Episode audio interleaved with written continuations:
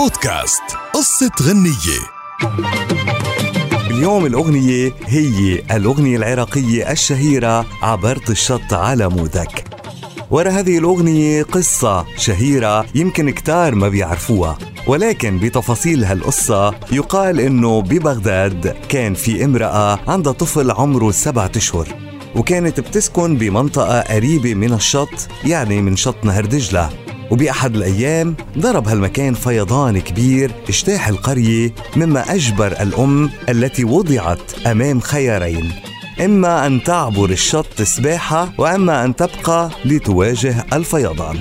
وإن عبرت الشط يعني النهر في مخاطرة كتير كبيرة لعدم قدرتها على السباحة وخاصة إنه هذا الطفل بصحبتها وأخيرا قررت بانه تقطع النهر وتعبر هذا الشط لتذهب إلى الضفة الأخرى. أكيد الضفة الثانية ما عليها فيضان ولكن هذا الطفل ماذا ستفعل به؟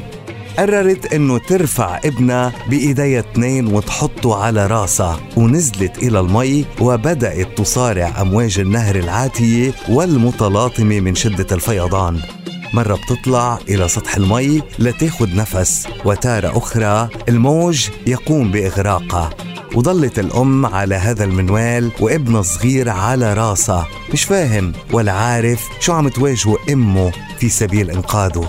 وأخيرا قدر الله أن تصل إلى اليابسة على الضفة الأخرى. وحققت مرادها وحمدت ربها في إنقاذ قرة عينها ودارت الأيام وكبر هالطفل وصارت تشتغل أمه حتى تأمن له حياة كريمة وتعليم جيد. أكيد هذا الطفل كبر وأصبح غنيا أصبح من أصحاب الأموال. ووقتها كانت الصدمة الصدمة على قلب الأم اللي أرسلها إلى بيت العجز بدار المسنين بسبب زوجته اللي أصرت عليه وأشارت بأن يرسلها إلى دار المسنين. فكتب الشاعر عزيز الرسام هالقصيدة واللي ذاع صيتها وانتشرت في كل أرجاء العراق والوطن العربي وغناها كثير من الفنانين منهم سلطان الطرب جورج وصوف اللي غناها وما كان عارف مين صاحبها ولكنه أعجب فيها فسجلها ولكنها انتشرت بصوت قيصر الغناء العربي كاظم الساهر وكانت أحد أبرز أسباب شهرته عربيا. عبرت الشط على مودك وخليتك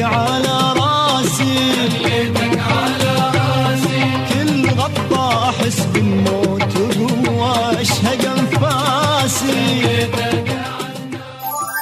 بودكاست قصة غنية.